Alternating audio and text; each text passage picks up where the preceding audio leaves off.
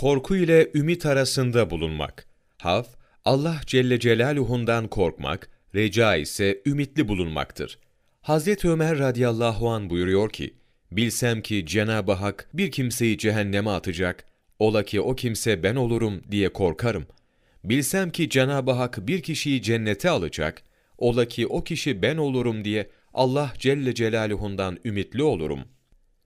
Mü'min şu ikisinin haf ve reca arasında olmalıdır. Her kim bu ikisinden biri veya ikisinden mutlak manada emin olursa imandan çıkmış olur. Yani kişi cennetlik veya cehennemlik olma konusunda kesin konuşursa daire-i İslam'ın dışına çıkar. Allah Celle Celaluhu'ndan daima ümitli bulunup ondan da korkarak kulluk vazifesini ikame etmeye, tamamlamaya çalışmalıyız. Ne zamana kadar? Son nefes gelinceye kadar. Cenab-ı Hak şu dünyada en çok Müslümana değer vermiştir. Cenab-ı Hak İzzet ve şeref Allah'a, Resulüne ve müminlere aittir. Münafikun suresi 8 ve Allah müminlerin görüp gözetip kollayanıdır. Onların dostudur buyurmuştur. Ali İmran suresi 68. ayet. İşte bu dostluğa binaen mümin Allah Celle Celaluhu'ndan hakkıyla korku üzerine bulunmalıdır.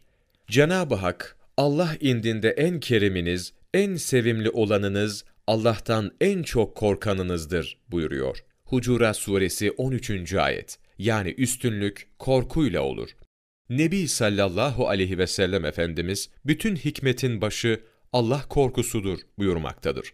Bütün mahlukat, kendi şerefine yaratıldığı, kendisi hakkında, böylece Allah Celle Celaluhu, senin geçmiş ve gelecek günahını bağışlar buyurulduğu halde, Nebi sallallahu aleyhi ve sellem, içinizde Allah Celle Celaluhu'ndan en çok korkanınız benim buyuruyor.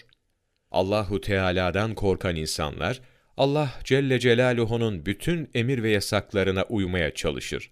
Allah Celle Celaluhu sevgisini kazanamama veya kazandığı Allah Celle Celaluhu sevgisini kaybetme korkusuyla yaşarlar.